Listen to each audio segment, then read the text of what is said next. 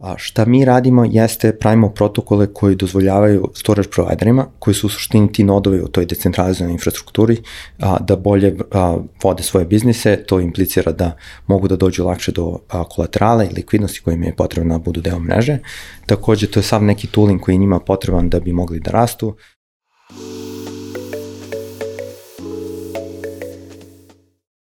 Dobar dan i dobrodošli na epizodu Netokracije Office, Office Talks podcasta. Moje ime je Marko i danas im u gosti imamo Vukašina Vukoja. Vukašin je dobro nam došao.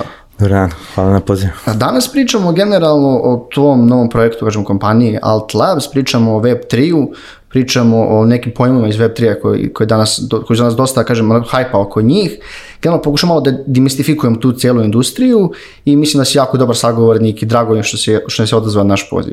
Hajde da krenemo negde od početka, kako izgleda negde, otkud ti uopšte u Web3 kako izgleda neka tvoja, tvoja karijera?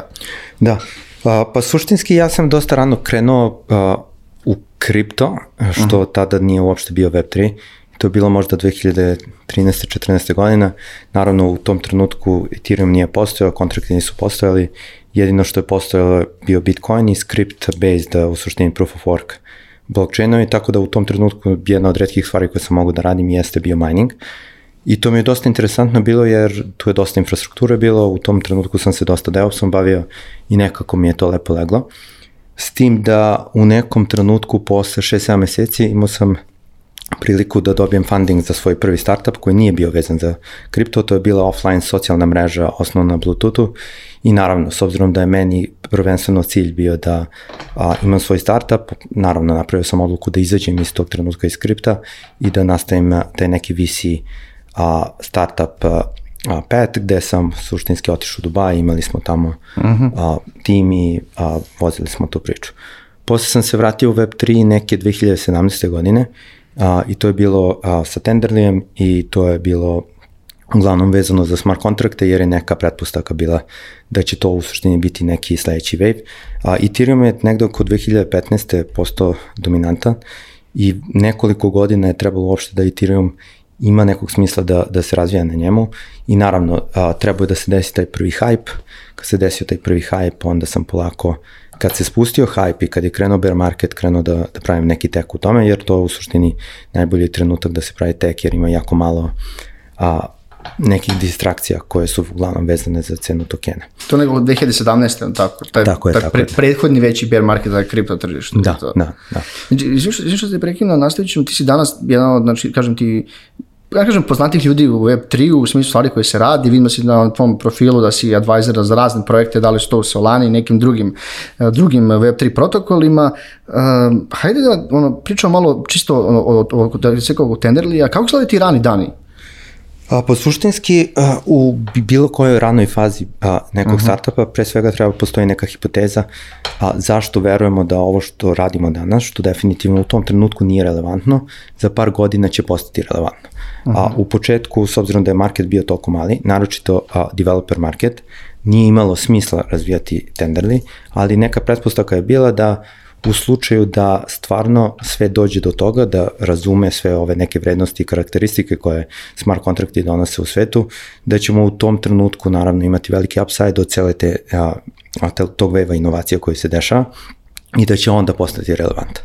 Ono, za, za, zašto je bitno da u početku nešto nema smisla, da kasnije ima, jeste sama činjenica da a, kao startup a, imaš dosta stvari protiv tebe, uh mhm. -huh. ali jedna stvar koju imaš jeste da možeš dosta da rizikuješ. A raditi nešto što nema smisla u jednom trenutku je skoro nemoguće u velikoj korporaciji, jer mora mnogo stakeholdera da se dogovori oko toga. U startupu nije to je jako velik unfair advantage koji definitivno treba iskoristiti da, a, da se napravi neka inovacija. S druge strane, što, što je bitno u tim nekim početcima jeste da se napravi neki tim koji je u stanju da, da rešite neke probleme A, a treća stvar je a, konkretno izabrati da li a, hoćemo da se fokusiramo nešto što je horizontalno kao što je infrastruktura ili hoćemo da se fokusiramo na sve te neke aplikacije koje postaju moguće u tom nekom novom ekosistemu. I to su ti veliki inovacioni talasi koji se dešavaju, koji su se dešavali sa mobilom, pre toga sa internetom, sa cloudom. Znači svaki put kad se desi neka promena paradigme, ima gomilo nekih startupa koji postanu unikorni zato što sam taj wave inovacija ih a, a, pokrene i u suštini napravi gomilo vrednosti. Founderi jako često misle da je do njih a, da li će nešto se desi ili ne, a suštinski nije. Suštinski jeste koliko su dobri u tome da prate neki wave inovacije i koliko dobro mogu da razumeju u kom smeru ide svet i da se adaptiraju pre svega. A, ja, jako malo imaju utice founderi tu, koliko mogu samo malčice da pomere u kom će sve to da ide i potencijalno da ubrzaju a, taj moment kad ćemo da dođemo do nečega. To, to, ovaj, to su neki bili rani dani tvoje karijeri. Ja sam imao si priliku da radiš za kompaniju koja stoji za Cardano ekosistema, ako, se, ako nisam pogrešio. Ti si bio kod njih uh, product manager. Kako izgledalo to iskustvo? Cardano u tom trenutku baš bio jak. Mislim da su posle Ethereum bili, pa u nekom vremenu bili su, tako kažem, drugi ta ekosistem gde su programeri radili. Nekako je bio najveći ime uh, pored Ethereuma. Danas to baš i nije tako, negde su oni dalje u vrhu, ali ne toliko visoko. Da, uh, Pa ja sam joinovao Cardano kad je možda bio 40. token na, na svetu i tada definitivno nije bilo mnogo mm. developera, naravno to što je stack Haskell, tako da to dosta otežava ceo moment a, dev onboardinga. A, ali u nekom trenutku, i sad, mislim, ja, ja sam inicijalno joinovao kao kao neko ko pomaže u suštini product manageru da razume bolje tech, to je bio trenutak posle tenderlja kad sam bio malo u burnoutu, gde sam morao da ono, malo u suštini smirim taj neki a, load koji imam i onda mi je bilo lakše da se zezam oko teka umesto da imam neki ownership. S tim da sam se zezno i pičuo sam Charlesu ideju da uh mhm. -huh. pravimo token bridge sa Ethereum, Charlesu se to super svidelo i dao mi neki budžet i rekao mi sad si product manager, što je ono defeat the purpose of no. Da. me being a BA, ali uh, onda, naravno, polako sam dobio i tokene, onda sam dobio smart kontrakte, onda sam dobio EVM sidechain i suštinski sam onda lidovao produkt za jedno 4-5 proizvoda u tom trenutku i razni produkti su bili ispod mene. Uh, e sad, Cardano kao Cardano uh, ima dosta jak ekosistem i dosta je stvari dobro određeno u samom ekosistemu, kao što je a, pravljenje tog jakog komunitija i po meni a, staking je doneo nenormalnu vrednost i Cardano i Cardano je definitivno pokazao koliko je staking bitan. A s druge strane Cardano uspio da napravi te stake poolove gde od tih stake pool operatora su uspeli da naprave ambasadore koji su imali jako veliki incentiv da guraju taj ekosistem i s tim je Cardano po meni napravio verovatno najlojalniji ekosistem a, i community ikada. I, I zbog toga je sama cena tokena išla gore. Ako pričamo o teku, tek eh, koliko god se ljudi trudili da naprave taj tek dobar, po meni je pogrešan stek izabran.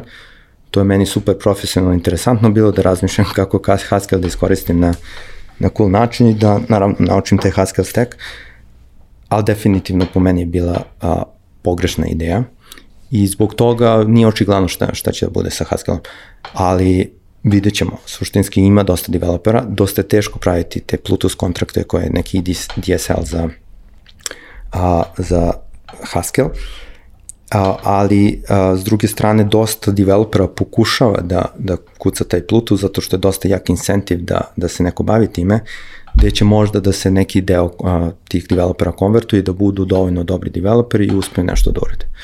Tako da, nije očigledno šta, šta će biti sa Cardano. ti je bilo super iskustvo raditi s tako je zaista jakom ekipom, pogotovo što je taj osnivač, osnivač Cardano jeste jedan ko osnivača Ethereum, ako se ja ne varam. Uh, kako što pričaš, pričam sad generalno vrlo često postavljam slična pitanja uh, ljudima, koliko uopšte jeste tra teška tranzicija iz Web 2 u Web 3? I pričamo iz tehničke strane i uopšte strane pojmova.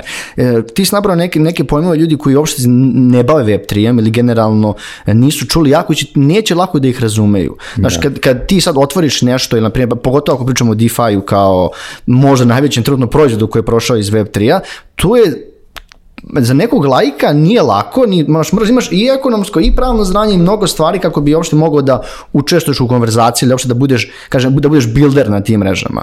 Koliko je uopšte teška taj switch? Koliko je teška da, taj da, switch? Pa, pa zavisi, znači, a, za dobre inženjere nije toliko težak, a, naročito što inženjeri gledajući u kod mogu da razumeju šta se tu dešava i taj tehnički deo a, jeste dosta nov, ali inženjeri su često prolazili kroz te neke wave-ove inovacija gde su morali mobile da nauče, gde su morali neke druge stvari da nauče i, i nije toliko teško to raditi. Šta je teško jeste produkt, jer nije očigledno šta će biti. Inače, produkt u Big Techu nije toliko težak, jer se zna šta treba da se uradi i onda yeah. samo suštinski ti tu malo orkestriraš sa, sa developerima. Produkt u a, blockchainu jeste težak, jer nije očigledno šta uopšte ima potrebe da se pravi. Naprimjer, mi danas pravimo infrastrukturu za Web3 ili Metaverse, šta god, a nije očigledno šta je Metaverse, nije očigledno zbog čega je Web3 bitan. Imamo naravno neke hipoteze kao što sam imao sa Tenderlijom, ali vidjet ćemo suštinski u kom tom smeru ide i non stop nekako si u nekoj magli, ali imaš jake hipoteze, pokušavaš da validiraš da li to ima smisla i svaki neki deo proizvoda pokušavaš a, da iskoristiš da smanjiš taj neki rizik koji imaš da, da se pronađeš u marketu. Da, mislim da je isto problem što nemam jednostavno ok, te, da tržište te krenulo, mislim Web3 te krenulo, ti nemaš dovoljno ljudi, pogotovo možemo u našem, našem području koji su e ušli i znaju šta rade. Vjerojatno to kažem oni ljudi koji su early adapteri, bukvalno. Mm, pa, čak i naše tržište bolje od većina drugih tržišta iz skroz onako čudnih razloga, zato što mi a, s obzirom da sve je rizično oko nas, smo imali priliku da rizikujemo više nego što bi neko u Nemačkoj rizikovao ili u, u US-u, naročito u US-u. Sad, to je takođe bio razlog zašto sam ja uopšte odlučio 2017. da se vratimo u Web3, jer sam tad trebao da napravim odluku da li ću da se bavim AI-om ili ću da se bavim blockchainom. A, u trenutku kada ceo big tech a, double down in AI, ja, investiraju milijarde da, da bi napravili najbolji AI, da ja trebam da se borim da dobijem isti talent kao oni, a I s druge strane imamo Web3 koji uopšte u tom trenutku ne izgleda da će biti veliki, a može mnogo veći da bude od AI-a, zato što je skroz horizontalna tehnologija koja može da promeni bilo koji aspekt danas, današnjeg života meni je bio no-brainer da se, da se bavim blockchainom. Da, ta se nije ni zvao Web3, nego bio da. blockchain. Da. Mislim, Web3 ne znam kada kao pojam, možda za Čak nije ni blockchain, bio bio Ethereum, kao baviš se Ethereum, jer sve ostalo je bilo irrelevantno. Da. A, A si ti jedan od tih što misle će da generalno Web3 možda promeni ono, 100% načina da funkcioniše neke stvari? A, I, znači, ja mislim... Pitalo što dosta ljudi koji su Web3, znaš, ono, baš imaju tu te, težu i brane svoje stavove, Web3 je budućnost, imaju oni koji kao, e, ne, neke stvari mogu da se promene, ne sve, ali čisto onako pričamo, da se zanima. Mislim da, da će sve da dodiruje blockchain. Pa to, to je verovatno kroz nekih 15-20 godina, ne verujem da će moći ranije. Ti misliš da će da, ranije? Da... Mislim da inovacije dosta ubrzavaju u suštini. Nama je teško da precipiramo to jer se dosta dobro navikavamo kao, kao ljudska bića kao što je najveća a, prednost bi da. čovečanstva. I onda nam ne deluje da, da se to dešava. S druge strane, ulazimo sad u debelu recesiju gde će inovacija da bude dosta bitne, gde će ceo sistem da se trudi da inoviramo da bismo došli u neka bolja vremena. Ovo će verovatno biti najveća recesija u poslednjih 100 godina, tako da dosta će se ubrzati inovacije. Plus imamo ratove, uglavnom u ratovima dosta inovacije neizbežno da, uh mhm. -huh. da dođe, zašto ljudi hoće da reše realne probleme. Da. Znači ovo nije više, ajde da vidimo da da će neka deca na Snapchatu da ima neki filteri, da. da. da imaju bolje filtere, da se bolje zebaju, nego sad da li će neko da živi ok život ili će da bude gladan. Da, pa posle neki, kad je baš u nekoj velikoj krizi, to je lepo rekao i kad, kad gledaš neku ekonomsku i istorijsku aspekta, kad su u vreme kriza velikih rata, uvek posle toga ide neki prosperitet, nešto se menja, nešto posle toga krene da se drugačije radi nego što se preradilo. Da. Tako da vrlo moguće to što se rekao. I što bi ne, kako, što se, kako da rešimo nedostatak talenta? Hoće, kako da privučemo programere ono, da, da uđu u Web3? Definitivno edukacijom e, i definitivno a, pokrivanjem tih nekih a, mitova koji, koji postoje, a, jer kao što je sa internetom bilo u početku, ima dosta bad aktora u ekosistemu koji je novi. Kripto je novi ekosistem, Web3 je novi ekosistem, bit će tu dosta skemova, bit će svašta nešto što definitivno nije dobro za čovečanstvo. I bitno je da, da ljudi razumeju da se to uvek dešavalo, jer zaboravljamo šta je bilo u početcima interneta, ali internet nije uopšte bio a, bilo lepo mesto što bi Ameri rekli. Uh, a, već smo vremenom sa tulovima, sa tehnologijom uspeli da od tog nekog interneta koji je bio Wild West, dođemo do nečega što ima nekog smisla za, za čovečanstvo. I polako prolazimo kroz nekoliko tih talasa sa Web3-em. Jedan je bio 2017. tu je neka regulacija se desila, sada prolazimo kroz drugi wave regulacija i polako ćemo doći do toga da ipak uh, imamo neka pravila a i to nekako funkcioniše da niko ne bude ugrožen u tom nekom ekosistemu. E, a, a, trenutno si, pomenuli smo da si CEO u Outlabsu, kako je nastao Outlabs i na kakvim projektima danas, danas radite? Da, da napomenem, founder sam. Founder Outlabsu igram da. nekoliko rola, među Aha. ostalom i a, CEO i CTO, a, ali a, i... I office manager, vrlo često kod nas to ljudi, ljudi koji su founderi, da. vrlo često mora, moraš da radiš sve, ali znaš kako da. ide. Trudim se da ne budem office manager, ali da, to, nekad to, moram. Da. Da, a, suštinski a, mi se fokusiramo na decentralizovan storage, jer verujemo da Web3 će biti storage plus te neke transakcije koje se dešavaju trenutno na chainovima kao što je Solana, Ethereum, NIR i, i ostali, gde te transakcije služe da u suštini možeš da radiš neke stvari kao što je da pomeraš vlasništvo sa jednog usera ili ti jedne adrese na, na drugu, a, dok će storage biti jako bitan za sve ove neke stvari sa kojima hoćemo da imamo neku interakciju. Ako je to metaverse i sad nije očigledno da će metaverse biti u 3D-u u početku, ali ajde da kažemo da, da je u 3D-u, svi ti neki aseti koje koristimo u metaversu trebaju da se čuvaju negde. I sad ako dođemo do toga da ih čuvamo na cloud providerima, onda to nije metaverse, to, to je ono, just another uh, big tech uh, innovation koji nema, nema nešto pretredno smisla i sad naravno Facebook i ekipa se trude da idu u tom smeru jer oni već znaju kako rade tu Web2 infrastrukturu i to trenutno dosta dobro skalira i ta tehnologija koju smo napravili u tom prethodnom nekom talasu je dobra. Znači došli smo do toga da, da je skoro savršena. Sad, umesto da tu pokušavamo tih 0,01% da dobijamo na nekoj centralizovanoj infrastrukturi, sad je trenutak kada treba da radimo na Web3 infrastrukturi koja je skroz decentralizana i to je na primjer IPFS i Filecoin. A šta mi radimo jeste pravimo protokole koji dozvoljavaju storage providerima, koji su u suštini ti nodovi u toj decentralizovanoj infrastrukturi, a, da bolje a, vode svoje biznise, to implicira da mogu da dođu lakše do a, kolaterala i likvidnosti kojim je potrebno da budu deo mreže. Takođe, to je sav neki tooling koji njima potreban da bi mogli da rastu, to je tooling koji njima potreban na kraju dana da a sačuvaju neke podatke na njihovu infrastrukturu. I to je cijela neka mreža koju pravimo a, nekih dodatnih majnera koji nama pomažu da ubrzamo ceo taj naš ekosistem.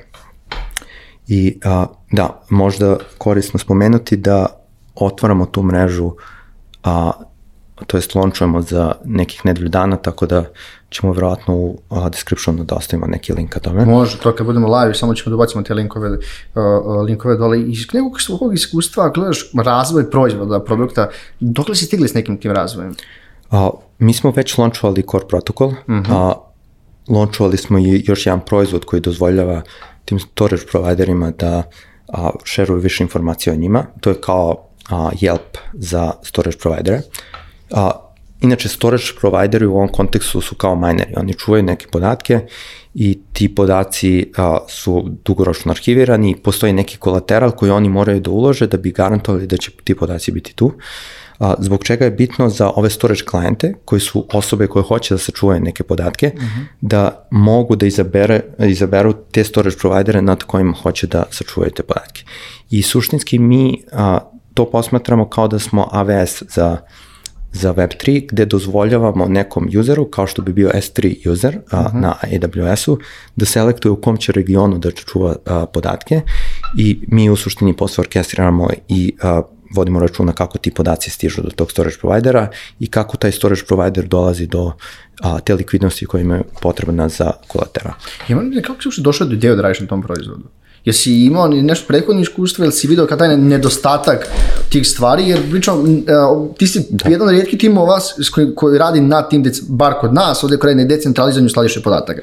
Većinom su neke druge stvari, da li su više DeFi ili slično, ali ne, nije sada svi, svi rade tu sistemsku a kažem arhitekturu. Da, a, mislim ja generalno volim da radim stvari pre nego što se dese. Znači, uh mhm. -huh. to je bio slučaj i sa Tenderlijem i u Cardano, znači Cardano kad sam ja ušao nije toliko bio bitan, kad se desio, poslali smo na kraju treći token na, na svetu.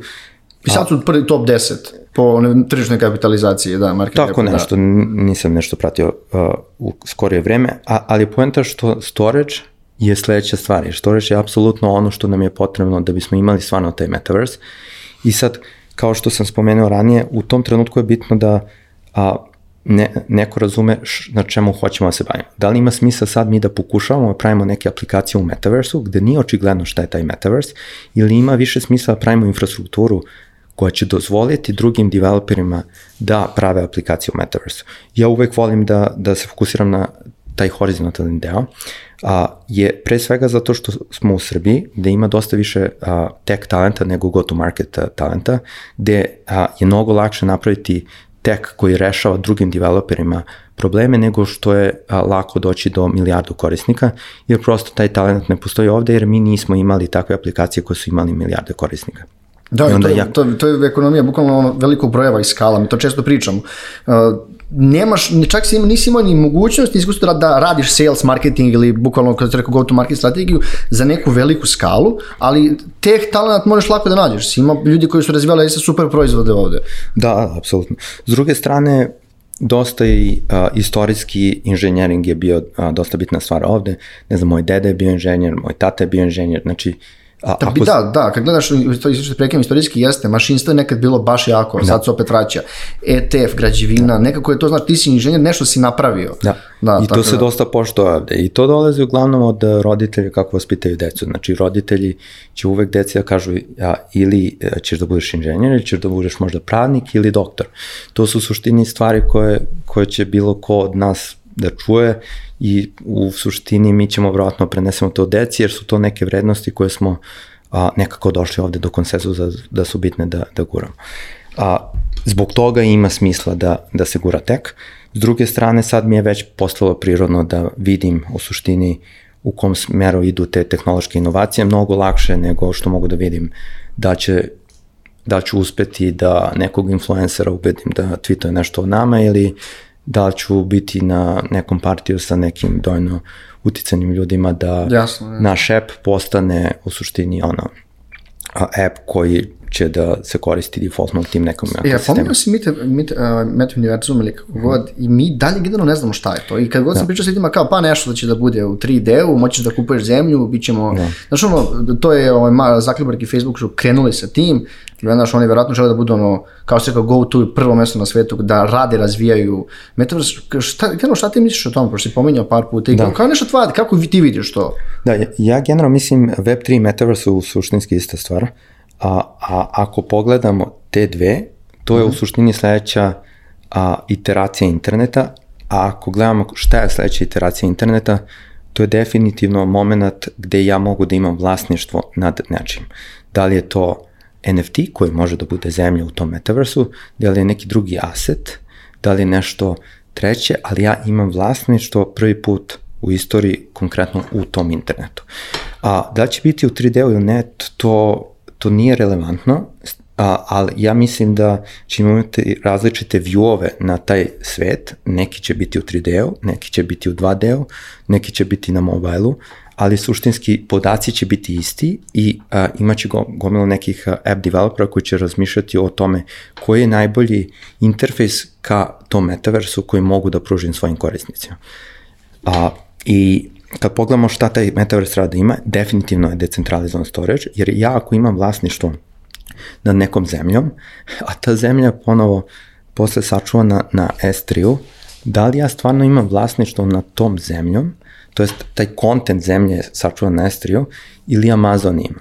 Jer ja suštinski u tom trenutku imam samo taj NFT koji živi na nekom chainu koji referencira ka nekom storage-u, koji ako je centralizovan, onda gubi poentu. Ja više nisam vlasnik toga, Amazon nastavlja da bude vlasnik toga, a by the way, Amazon a, ima strukturu gde mora da radi šta god njihovi shareholderi žele, a to je definitivno da maksimizuje profit i u nijednom trenutku Amazon neće razmišljati o tome da je bitno da ja budem vlasnik tog kontenta, nego će razmišljati da maksimizuje a, a, tu neku vrednost. Inače sad imamo još veće probleme sa Amazonom i svim tim cloud providerima koji su onovani od u mm -hmm. najvećem a, slučaju američkih organizacija koje osim što imaju for profit moment, imaju takođe moment da moraju da rade šta je u interesu US-a. Naravno to kad imamo ratove u svetu gde nije očigledna geopolitička situacija, nema smisla da bilo ko želi da to nešto što ima u tom metaversu nekako može da bude influencirano od toga što US želi. Jedan slučaj toga jeste bilo sa sankcijama sa Rusijom. A gomilo ljudi je ostalo bez vlasništva nad brodovima i tako nekim stvarima koje su bili u Europskoj uniji. Da li stvarno želimo da se to isto desi u metaversu? Da li onda to metavers, ako to uopšte je moguće da se desi? Pa vjerojatno ne. Da, da I, mislim to jeste jedan od, ne kažem sad ove sankcije Rusije, da ne pričam o tim, o tim temama, ali to jeste jedan od pokazali koliko će generalno kripto i web industrija porasti, jer ono, ako si trenutno tamo i pogađan s tim sankcijama, ti nemaš izlaz osim nego da ideš u kriptu, što je nevjerovatno, ali... Da, ajde da. se odeljimo sekund, znači Metaverse kao Metaverse je nešto što će doći, ali da gledamo trenutno koja je situacija u Rusiji. Trenutno ne mogu da koristim Instagram, ne, ko, ne mogu da koristim Facebook. Znači ako sam imao neki biznis koji zavisi od Facebooka, Gotovo. ja više nemam taj biznis. Preko noći sam izgubio svoj digitalni identitet, nemam načina da živim od toga. Ne način da, da primaš pare, sve, sve, sve od Paypala i drugi stvari koji su Paypala najpoznatiji, ali drugi ne rade da, više, da, ne to, podržavaju Rusiju. To je to. više taj DeFi moment, yes. ali i taj Web3 uh, storage, metaverse moment, gde ja ne mogu da koristim aplikacije gde sam ceo život gradio neki identitet i uh, ja davo svoj kontent uh, a to je nekoj aplikaciji, to više nema smisla. Zbog toga je bitno da imamo taj decentralizovan storage gde ćemo imati aplikacije koje dozvoljavaju userima da oni dodaju content i da oni nastave da imaju ownership na tom kontentu, gde nećemo imati jednu Instagram aplikaciju, nego ćemo imati 50 Instagram aplikacija koje će da gledaju na isti content. Mm -hmm. Kad se to desi, onda menjamo biznis modele Instagrama, onda će useri moći da zarađuju od toga što prave kontent i konačno dolazimo do one prve tačke gde smo trebali da imamo neku infrastrukturu koja dozvoljava korisnicima da onuju svoje podatke, što je definitivno ono što razumemo danas, yes. ali naravno u početku Web 2 niko nije razmišljao o tim problemima, niti je moguće bilo u tom trenutku rešavati te probleme, jer je dosta tek i za sam scaling bio a, u ranoj fazi, a kamali za neki ownership. Ovaj, mi smo stavili, pominjali smo taj grant koji ste dobili od Proctor Labsa, Um, to je, ti, ti, ti sam tad malo pre ovaj, rekao da to baš bio grant, nije bilo nikakvog onog ownership modela da ste njima nešto dali, ali to je zaista, kad pogledaš neke druge investicije u, u grantove, to je zaista izdašan grant, da kažemo, gledamo neke druge grantove. Um, kako su neki budući planovi? Imate, da li čekujete neke nove runde investiranja? Kako su generalno uopšte, kažem, potrošili grant ili ste ono zapošljali neke nove ljude, malo proširili tim? Da, nismo još potrošili ceo grant. Uh, I da, bi, bio grant. I sad šta to može da implicira jeste samo da potencijalno radimo na fundamentalno bitnim problemima koji u nekom inicijalnoj fazi nemaju biznis model, uh mhm. -huh. ali a, s obzirom da je hipoteza da ako želimo da dođemo do nekog, do neke tačke gde će ljudi imati ownership na svojim podacima i tako dalje, a taj neki tek koji mi želimo da napravimo je potreban. I naravno, više nismo u fazi gde moramo da dobijemo grantove, a već imamo biznis model i rastemo 30% nedeljno, a imamo protokol koji je live a, na Filecoin mreži, a, koji je prvi u suštini DeFi protokol nad Filecoin mreži a, i to je napravio tim iz a, BGA iz Novog Sada. A, onda kada već imamo a, suštini taj business model i traction, u stanju smo da dignemo neku rundu koja daje nekim investitorima neki stake. Taj stake nije samo bitan zbog para, već je bitno da alignaš druge neke entitete, da i oni guraju tvoju priču, da nisi sam koji guraš svoju priču. Jako je korisno davati a, neke tokene ili stake u nekoj a, organizaciji investitorima, dok god su to investitori koji veruju u istu viziju i dok god su to investitori koji imaju neki uticaj i mogu da ti pomognu. A, tako da u skorije vreme ćemo nansovati rundu, već imamo komitovano više nego što nam treba. Da, pa mislim, to, to si rekao, ali to je nije nevezano sa Web3, to jeste generalno, kada si u startupu, a, ako izabereš dobrog investitora, to su ljudi koji mogu da ti proguraju dalje. Ja. Znaš, to, to je vrlo često taj, da kažem, network je dosta bitan, ko, vrlo često nekad bitniji od tih para koji si dobio. Da. E, hajde pričamo baš o ekosistemima. Sad je do, dominantan Ethereum, on, pominjali smo Cardano, NIR i slično. E, ti si pominjao taj, kako se, e, taj ekosistem gdje razvijete, to je Filecoin, Filecoin, kako ključe, nisam, to je taj Filmine ekosistem, mm -hmm. ako mhm. nisam zven, iskreno nisam bio čuo za njega, jako sam generalno dosta istražujem i čitam i čitao sam one white paper Ethereuma i ostalih drugih. Hajde generalno možda pomeneš malo, pričaš malo o tom da. ekosistemu i koja je onako povezanost tvog tima i tog ekosistema, jer sam slušao neki podcast, vi razvijate i ostale neke aplikacije na tom, na tom, na tom novom ekosistemu. Mm -hmm. Da, suštinski mi smo uh, founderi tog ekosistema, uh mhm. -huh. a, ali je jako bitno od početka zbog same higijene šta je ekosistem i šta je tim koji razvija određeni ekosistem, podeliti to. Mm -hmm. Znači Alt Labs je organizacija, tim koji stoji iza Falcon ekosistema, koji bootstrapuje taj ekosistem, ali taj ekosistem ne treba bude samo kontrolisan sa naše strane, već takođe treba da napravimo načine za druge timove da i oni razvijaju stvari nad našim protokolom. Tako da od početka mi se trudimo da to bude odvojeno, iako smo trenutno jedini tim koji razvije taj uh mhm. -huh. ekosistem. A, šta Filmine radi jeste da a, daje u suštini abstrakciju iznad Filecoina koja dozvoljava tim storage providerima da dobiju sve što im je potrebno, da imaju dobru infrastrukturu.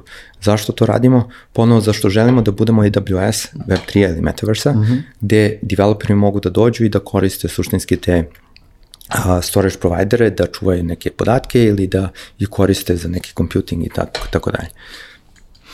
Kad pričamo što na ekosistema i Ethereum je dominantan i naravno tržište, to, to nije tržište, svet je toliko veliki da postoji, da će biti prostor za sve druge ekosisteme. Šta ti misliš da će Ethereum ostati dominantan? Pričamo baš malo o Web3 više, ne, će Ethereum ostati dominantan ekosistem? To zavisi od uh, Ethereum 2.0, jer već je dosta prošlo. A, s druge strane, Ethereum je dobar ekosistem. A, to je dosta zdrav ekosistem koji je krenuo u bear marketu. A, kad neki ekosistem a, se razvije u bear marketu, to je dosta zdravi ekosistem. Tako da ne plašim se da će Ethereum da da izdrži a, i ceo ovaj bear market. Možda bi se više plašio za neke ekosisteme koje su dosta velik hype imali u početku, uh mhm. -huh. dosta su brzo porasli, možda Solana, a možda pa i Nir je imao dosta velika skok. Da sad zadnji, pogotovo zadnjih par meseci ima da. dosta veliki skok, da. I to su u suštini onako, dosta to napravi hajpa oko tih ekosistema i dosta trakšona u samim ekosistemima, ali to može da bude dosta i nezdravo. Da, ja sam, ja sam juče gledao ovaj, sport klubu Sailing GP, ovaj, on ljudi što voze one brodiće Bermuda, da je sezona 2 i kao glavni sponsor je NIR protokol. Ja kao šta, koji đavo, zašto je, što to ti ono kad već imaš ono fuck you money u fazonu mnogo investitora oko tebe, kao zašto bi tačno, pa ali ok, znaš ono, zašto bi tačno sponzorisao takav događaj, ali ok, mislim, da. ljudi rade s parama što god hoće, tako da nije, nije, da. nije, nije moje to. I ja sam ovde stavio decentralizacija. Zašto mi pričam o decentralizaciji? koliko je generalna decentralizacija bitna u Web3, tebi čak i na LinkedInu stoji decentralized. Zašto pitam to? Koliko je bitno meni da je nešto decentralizovano e, kao korisnik usluge, da koristi neke, neke DeFi, DeFi sisteme, NFT i slično, a koliko je ono kao builderima, programerima. Pogotovo ne. ovim sad ekosistemima, neki od njih su polucentralizovani, da kažemo, i Solana ili imaju neke te mnogo više validatora nego neki drugi. Šta tačno, šta, koliko je tebi bitan ta decentralizacija? Uh, pa decentralizacija je dosta širok pojam. Uh, mm -hmm. Što, se, što se teka da, tiče da? A, jako često nije bitna decentralizacija, bitno da nešto funkcioniše, a neki aspekti našeg života je bitno da budu decentralizovani. Naprimjer, bitno je da a, taj neki layer koji orkestrira, koji ima koliko moći, kao koliko ima moći da ima uticaj na nečemu, da to bude decentralizovano, zašto tu ima dosta nekih a, incentiva da ljudi hoće da svašta nešto rade oko toga i naravno ako ja mogu da kontrolišem neki aspekt toga, ja ću verovatno to da uradim ako sam racionalan aktor u tom nekom ekosistemu. Zbog toga je bitno da neke stvari budu decentralizovane, da prosto nije moguće da bilo ko bilo šta čudno tu radi i da svi imamo neka ista pravila nad kojim treba da, a, da operišemo. To je bitno. A, sam tek a, bio je bitan 2017, 18, 19. kad se pravio taj tek, jer je to bio taj core a gde držimo tu neku vrednost koju ćemo da pomeramo a, naokolo, a sada dolazimo do momenta gde neke stvari nije toliko bitno da budu decentralizovane. Naprimjer, a, IPFS nodovi, to su nodovi koji čuvaju neke podatke, a, da li je bitno da budu skroz decentralizovani? Pa ti na IPFS nodu čuvaš a, neki kontent koji možeš da referenciraš preko nekog CID-a, što je suštinski hash koji jedinstveno a, gleda na neki kontent i tebi je svejedno da si ti to dobio od skroz nekog decentralizovanog minera ili si dobio sa nekog CDN-a. By the way, mi smo uložili kao civilizacija a, verovatno više od 100.000 inženjerskih sati da ti CDN-ovi budu dobri, da oni imaju dobre linkove jedni ka drugima i da to funkcioniše na onom skelu koji je nama potreban kao civilizacija. U tom trenutku imati da skroz decentralizuje IPFS nodove nije bitno. Ali je bitno da imamo na primjer, arhiviranje podataka koje je skroz decentralizovano, jer ne želimo da neko ko što je AWS ili a, a, Amazon a, ili Azure ili Google Cloud mm -hmm. imaju moć da nešto što bi trebalo da bude tu zaovek nekako izbrišu. A to već ne bi trebalo da se dešava. Tako da ćemo vjerojatno videti neki hibrid gde koristimo gomilu nekog Web 2 teka, da dođemo do toga da a, suštinski bude moguće uopšte napraviti nešto što mi mislimo da je Metaverse danas. Trenutno nije moguće, a morat ćemo i Web 2 i Web 3 da iskoristimo da bismo došli do toga. Pričali smo, neki, pričali smo neki, ovaj, generalno dosta pojmova, dosta stvari. Ja sam ovde stavio kao pitanje Bitcoin, jer generalno e, nekako se on kad pričamo o Web3 negde se iskristalisao kao, ono, kao zlato koje imaš i čuvaš, a ne toliko nekih, nekih pogotovo tek stvari kad pričaš i neke infrastrukture nema veze s tim. Kao je tvoje mišljenje u Bitcoinu? Pogotovo ako si ga majnova nekih, ako si ga majnova početni, nis, nisi ga majnova Nisam početni. Bitcoin, uh, Litecoin sam majnova. Aha. Čisto me, čisto me zanima, znači ono kao neko tvoje mišljenje u tom, ali će da, hoće da dođe do sto kako što kažu ljudi ili se to ko da ga zna? Doći će kad tad. Doći kad, kad će doći, ne, ne, ne znam, ne da. zna niko. Ali, uh, Bitcoin ne može da failuje, uh -huh. jer je previše, previše ima skin in the game-a i a, već su krenuli veliki institucionalni igrači da, da, da ulaze Bitcoin i zbog toga imamo ove neke skokove i padove jer je nekome bitno da uđe po boljoj ceni jer ima gomilu klijenata koji očekuju od njih da će dobar posao raditi. Ući u Bitcoin na 69.000 kao hedge fond teško. Da, to jeste, da. Mora Bitcoin da bude dosta jeftiniji da bi neko kao što je, ne znam, Citadel ili BlackRock ušao u Bitcoin, a oni imaju jako dobre načine kako će doći do toga i to je možda ne. Da, čitao sam, čitao sam, ovaj, bukvalno čitao sam taj, kažem, pa da kažem sad, uh, ljudi su neko izbacili tu teoriju da su ga ovi, ti veliki BlackRock sidjeli, koji generalno mislim da drže 10% svetskih, svetskog bogatstva, svetskih para, da su generalno ono, išli namerno da obore vrednost Bitcoina, vidjet ćemo, ali on, ako neko zna to da radi, to su oni. Mislim da oni ono, šta je bilo sa Robin Hoodom i sa drugim stvarima, ako neko zna da uh, obara špekulativne radnje na berzi i da obara vrednost valuta, to su oni 100% da. akcije. Da. I ponovo vraćamo se do toga, ako postoji dovoljno veliki incentiv, to će uh -huh. se mhm. desiti. E, ovdje, ovdje isto, isto pričamo sa svim nekim ljudima koji dolaze iz Web3 kompanije, mi se stavio NFT DAO. Zašto NFT? Jer je bio nevratan hype. Znači, ono, svi živi na Twitteru, ono, Ape-ovi, Gorile ili Cyberpunks i, i, i mnogo ljudi i mnogo para oko toga.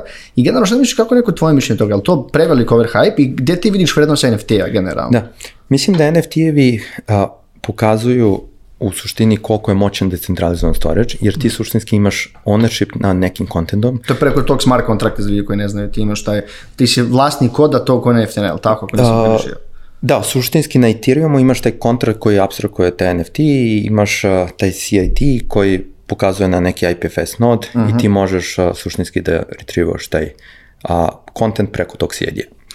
To se dešava u većini NFT-ove, ali kad je krenuo hype, čak ni to se nije dešavalo, nego su neki ljudi na AWS-u čuvali te NFT-ove i tu dosta govori o tome gde smo sa tim NFT-ovima, da, definitivno je hype, a, i sama ta vrednost koja se napravila u NFT-ovima nije realna jer je to više DeFi stvar nego što je NFT stvar.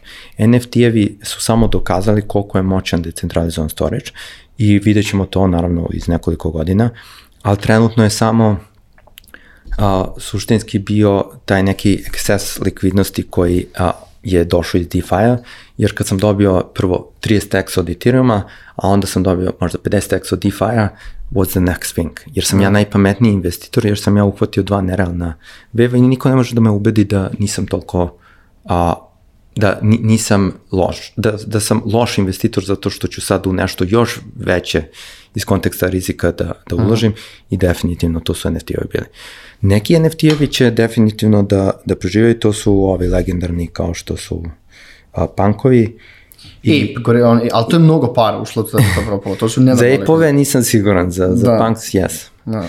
A, ali to, to je samo nekoliko kolekcija, sve ostalo će vjerojatno da Pa mislim, ovaj, ovaj čuveni internet hustler Gary V, pošto on baš u NFT-u, ako se vidi imate V kolekcije, on je on fazono proparće 99, ali njegovi ovaj Cyberpunk on ima tipa 68 i ovih, ili tako nešto, neka nerealan broj onih, kako se zove, kolekcija, to će da preživi. Tako da će vjerojatno to da preživi, ali vidjet ćemo. I da, vidjet ćemo. Uh, suštinski mislim da je samo prvi početak gde pokazujemo koliko je to moćno i to će više da se uh, preslika u nekim drugim, uh mhm. -huh. po meni, vertikalama kao što su mobilne aplikacije, gde ću ja generisati uh, podatke koji su NFT-ovi. Aha.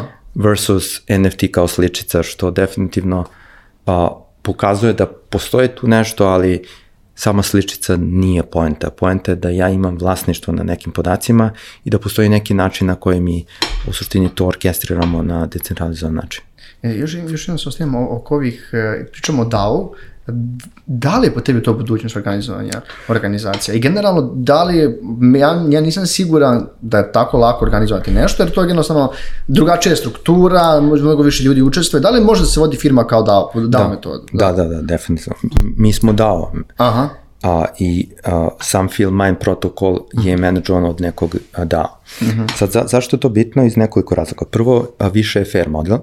A, svi naši zaposleni imaju a, token koji je u suštini a, pokazuje da oni imaju neki stake u tom protokolu koji nevezano od Alt Labs, Alt Labs može da umre, oni će nastaviti da imaju token u tom protokolu a, i oni će stvarno dobiti tu vrednost.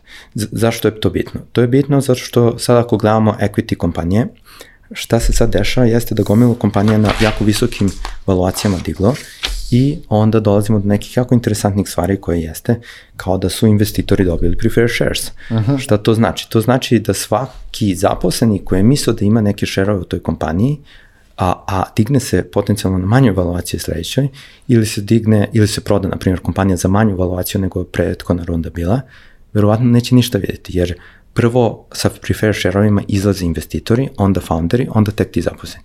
Tako da neki ljudi koji su stvarno kontributovali na neki proizvod mogu da dođu u situaciju da ništa nisu napravili prosto jer su ušli na prevelikoj evaluaciji. U kontekstu da, nema nazad, ti si dobio taj token, taj token naravno, ti dobiješ više tokena koji se vestuju nekako, ti dok god kontributuješ u tom ekosistemu, ti dobiješ te tokene i to je to, to je zakucano, ti imaš deo tog ekosistema jer si ti doprinao tome. I po meni je to mnogo više fair način nego, nego šerovi. Tak. Ako pogledam. E, I to mnogo bolje skalira, jer ja sutra ne moram da kažem Alt Lab treba da ima 10.000 zaposlenih da bismo mi od ovog ekosistema napravili nešto. Idealno bi bilo da ne idemo preko 100, ali možemo kažemo, a, ok, ovaj protokol ima neku vrednost, deo tog protokola ćemo da damo nekome, nekoj drugoj organizaciji, potencijalno tako što ćemo vestujemo neki velik grant, a, da oni kontributuju konkretno na nekom delu proizvoda, a taj grant i taj vesting ćemo da prekinemo ako dođe do konsenzusa u našem DAO da uh mhm. -huh. ono što oni rade nema smisla i da ne kontributuju dovoljno, a hipoteza je bila da će oni rešiti neki određeni problem to je nemoguće sa, sa equity da. i, i nemoguće skalirati organizacije do tog nivoa da gomilu timova koji dosta dobro a, nezavisno funkcionišu mogu da kontributuju na jedno stvar. A, I jedan način na, na koji mi hajrujemo jeste da prilazimo timovima koji već funkcionišu poprilično dobro, kao što je, na primjer, tim iz Novog Sada, gde su oni samo se nekako mržali od nas, a su imali opciju da kontributuju i eksterno ako su, ako su teli.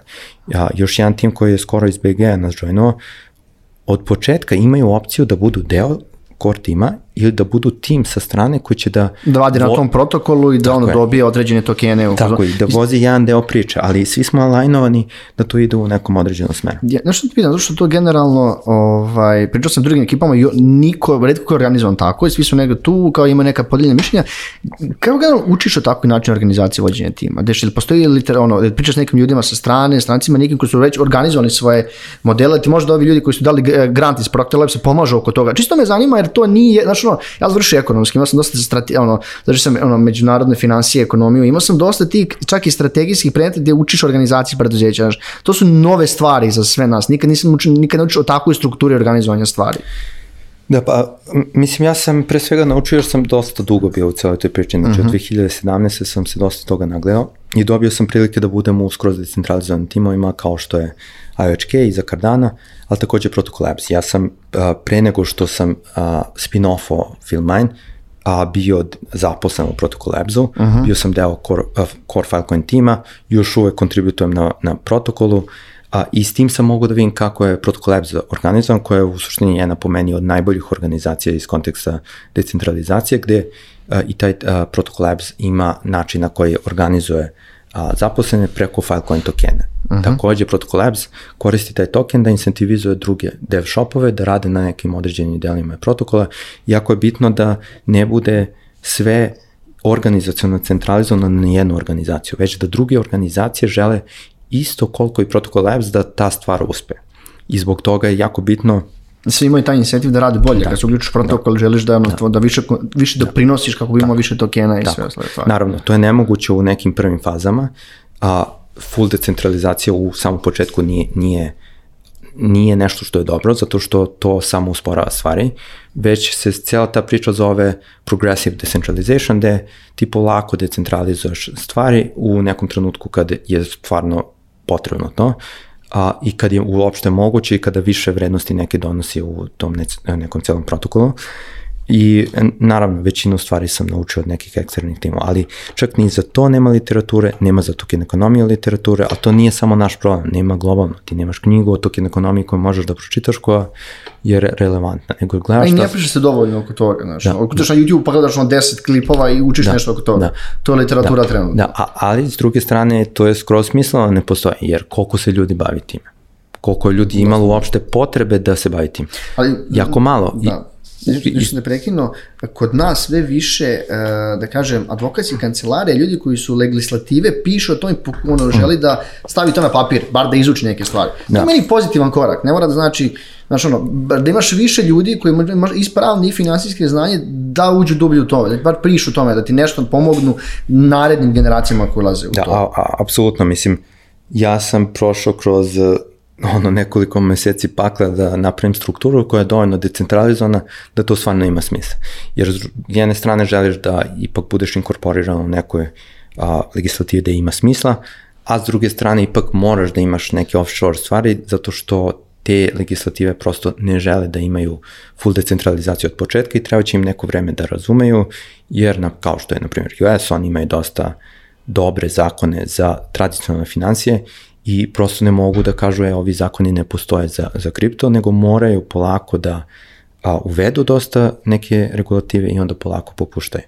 Što je mnogo bolji način nego da pomalo uvode neku regulativu pa onda a, sve više uvode, zato što onda pravi taj neki negativan incentiv. E, negdje se ovaj, bližimo krajemo još par pitanja, prošli smo neke stvari, imat ćemo još posle ovaj, kako, š, š, da vidimo neke vaše, va, šta, ste, šta je vas očekio, šta vas očekuje dalje. E, on trenutno su baš u ovom, ovom bear marketu, ovo što se dešava je zaista onako, ti si možda ti 2017. pa si višao, višao, video više tih kripto krešova ili slično, ali ovo što se desilo s ovim ovaj, Terra protokolom i Lunom i USD-em, kako se USD-em, kako već, je, je li zabeleženo tako još nešto pre toga? Hmm. Jer prva stvar, on je mnogo, uh, ja sam slušao njegove intervjue i čitao sam njegov ovaj, Master of Stablecoin, da kažem, uh, osnivača ovaj, Terra protokola, dosta onako to je bilo je malo prepotentno s njegove strane i ceo taj projekat možda za neko vizionarski, ali nisam siguran da je bio dobro postavljen, možda u ovom trenutku. Znaš. Da, uh, definitivno je bilo previše moći u rukama od ne, nekoliko ljudi, to, to svakako. Uh, Tera je ogromna bila, mislim. Što 45 je milijardi je nestalo za preko noći. To, to, to je ogromno. Da. To se nikad pre nije desilo. I to je trigger koji je definitivno prouzrokovao to da ulazimo u bear market, ali ja mi iskreno mislim da smo mi ušli u bear market već pre možda 8-9 meseci, s tim da se tad nije to osjećalo jer je inflacija dosta jaka bila i onda je to nekako offsetovano. Sad je ovo ili poslednji a, u suštini ono bottom bear marketa ili će možda još malo da, da spadne, ali polako posle sve ide gore. Ja mislim da je bear market dosta zdrava stvar, jer uh, bear market uh, incentivizuje ljude da prave neke stvari umesto što gomilo nekih skemera uh, incentivizuje da probaju nekog da skemuju. Tako da mislim da je ovo najlepša faza a, generalno tih ciklusa gde ljudi mogu da rade na teku i gde imamo vremena da razmišljamo o problemima i da rešavamo probleme kako treba da ih rešimo, a ne da moramo da forsiramo, da lončujemo stvari koje potencijalno nisu dovoljno bezbedne ili nisu dovoljno zrele da ih lončujemo čisto zbog tog nekog profita koje možemo da napravimo, jer definitivno opportunity je to. Većina foundera je diglo investiciju bez deka, većina foundera je diglo investiciju bez linije koda, To nisu dobre stvari. I te stvari su definitivno a, neke stvari koje su napravile ceo taj, taj hype i doveli nas do toga da će sada gomilo tih stvari da se pročisti i samo će najbolji projekti da prežive. A s druge strane mislim da ovo jako dobra, dobar trenutak za ljudi iz Web 2 da pređu u Web 3 s obzirom da sada mogu mnogo veći upside da imaju. Jer ako token padne 70%, tvoj upside jeste tih 70% i ceo ovaj potencijalni upside koji može cijela a, vertikala da ima, a cijela vertikala će da ima taj upside isključivo ako ti uradiš nešto korisno, tako da po meni najimpactful stvar koju jedan inženjer danas može da radi jeste da pravi tu infrastrukturu koja će da uključa Web3. Da li da može ti ako ti praviš tokene, znači da to može ti bude omča oko vrata nekad. Jer generalno, što je zašto pitanje, zato što se desilo da ti moraš da forsiraš, kad ne gradiš infra, infrastrukturu, ali kad baš imaš nekoga da želiš da gradiš ono no, novčiće, da ti to može bude omča oko vrata, jer znači, mnogo ljudi trenutno u kripto je samo zbog tih ono, tradinga, profita da. i ostalih stvari. Uh, mi imamo isto token, iako radimo infrastrukturu, a, jer je to jako dobar value capture, da ti Aha. možeš da znači uhvatiš jedan, veliki deo vrednosti koje praviš, što je jako teško za Web2 kompanije danas koje rade u Web3. A, e, sad, a, šta, šta je mnogo bitnije nego da nemaš token, bitnije je da ipak pratiš neka common sense pravila kao što jeste, da ne ideš public od prvog dana, da vodiš računa kome daješ taj token, da to svi budu ljudi koji su alignovani što se tiče long term vizije, da su ti tokeni vestovani, to su bitne stvari. Ti možeš jako dugo da budeš private i da onda launchuješ token na public marketima ili na dexovima i to je kroz ok stvari. Samo da. treba naravno da se ne hajpuje, nego da se priča o fundamentalno o tome šta se pravi tu i da polako releasuješ te tokene u market da ne bi napravio haos. Jer ako krene da, da pada token dole, a nemaš dobre market makere koji drže tu, tu vrednost, a imaš previše suplaja koji u cirkulaciji, to je fatalno za, za ceo ekosistem. By the way, nije samo za tvoju kompaniju, nego i za sve ove druge kompanije koje se ubedio da se bave tvojim ekosistemom. Tako da treba baš pažljivo se baviti time. Nažalost, jako malo ljudi ima gde da pročita o tome ili da nauči o tome, tako da... Da, ja, ja, ovaj, ja mislim da se on ne vraća. Za, baš pričamo za Lunu, za mislim ne, da se, ne, vraća, se ne, vraća. ne vraća. I čitao sam njihov način kako žele da ovaj, oporave stablecoin koji imaju, to je nemoguće i i, i ta njihova cijela zamisla da oni vežu za, da ono, tjera se menja za lunu, a ne nužno za dolar, to je dosta ambiciozno i je, baš je bio drugačiji projekat, da. moram da priznam. S druge strane, sedeo sam pre dva dana sa inženjerom, uh, inače iz Srbije, koji uh -huh. uh, radi baš na, na luni i oni su svi jako entuzijastični da, da će stvarno uspeti to. Tako da, ne zna se, ja, ja iskreno verujem da to neće biti Luna, nego će bude nešto novo ili će možda pod nekim novim brandom, pod nekim novim leadershipom, ali taj tim je dobar. I to je isto neka čara u suštini Web3-a gde ti ne radiš stvari samo zbog tog tokena na kraju dana. Radiš da bi do, doveo do nekog uh, uticaja, da bi napravio neki impakt na, na globalnoj skali koji može da pomogne ljudima sutra da imaju bolji ili finansijski život ili ako pričamo o decentralizovanom storage da imaju neku kontrolu na svojim digitalnim životom.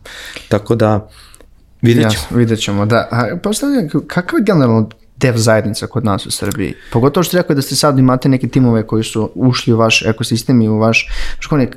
Kako ti vidiš, jel, se, jel ulaze polako ljudi, jel sve veći i veći broj ljudi su, ovaj, pogotovo programera ulazi u, u Web3 kod nas? Ulaze u stvari koje imaju smisla, da. Da, to je što pametno. I, i a, generalno mislim, najviše se vidi po tome da li inženjeri ulaze u, u neku industriju, da li to ima smisla ili ne.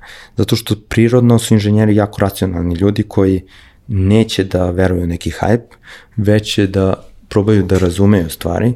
Ako ih razumeju i vide neku fundamentalnu vrednost koja se pravi tu, naravno da, da će da se bave time i uložu vremena. malo ko vaš kolega starijih inženjera koji su protiv Web3-a, koji, koji malo, malo, malo mi to, ne kažem, ja ne kažem smešno, nego, znaš, zamjena nekih, ba te zamisli pre 15-20 godina kad su oni krenuli da se bavi webom, internetom i slično, ubeđen se da je bilo mnogo ljudi njihovih godina koji su kao amatori, kao, ma kakav internet, to ne postoji, čukaj hardware i to je to. I sad posle 15 godina oni su to isto pa ma kakav Web3, to je prevara. Mislim da ljudi, valjda ono što si stariji, teže ti možda da, da uđeš u neke nove stvari i kaže, ovo stvarno radi, ali to sam baš primetio, ono, pratići industriju, da se, bar kod nas da se dešava. Ne znam, mi u timu imamo ljude koji imaju preko 50 godina, Aha, uključujući inženjere a, i ljude u BD-u, tako da A, zavisi samo da li stvar ima smisla ili ne.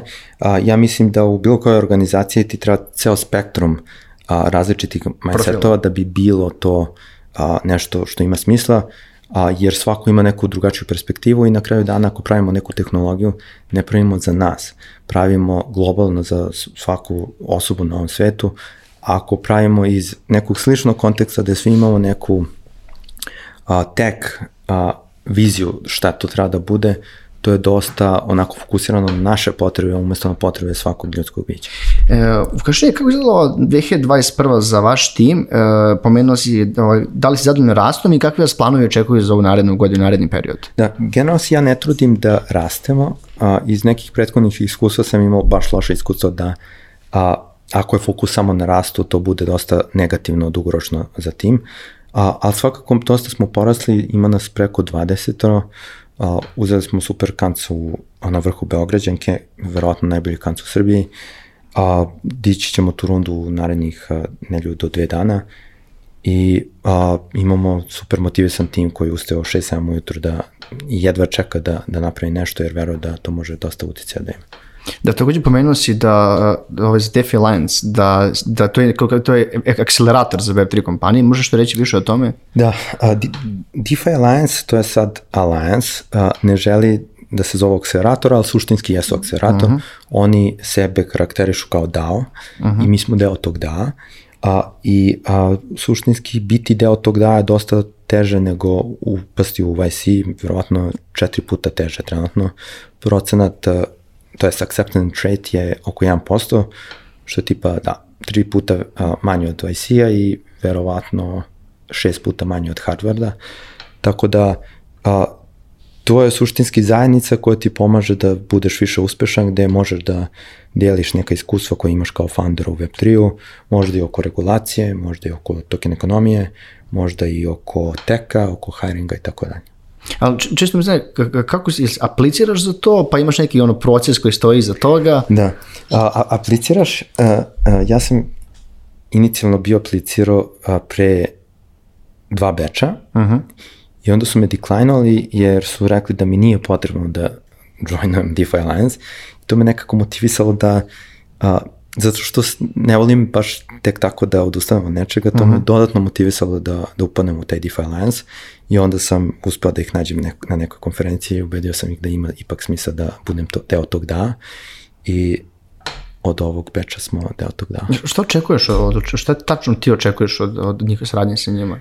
Dignete kompaniju na veći nivo ili dobiješ baš te edukacijskog znanja, neke, neke stvari koji jednostavno nema literature za to? Pre svega da budemo deo tog većeg ekosistema foundera koji uh mhm. -huh. rade konkretno na nekim proizvodima koje mogu da enable gaming, metaverse i tako dalje. Mi želimo da sve te organizacije koje budu deo Alliance da, mogu da koriste naš tek i da im pomognemo da naprave nešto na tim tekom. To je najbitnije.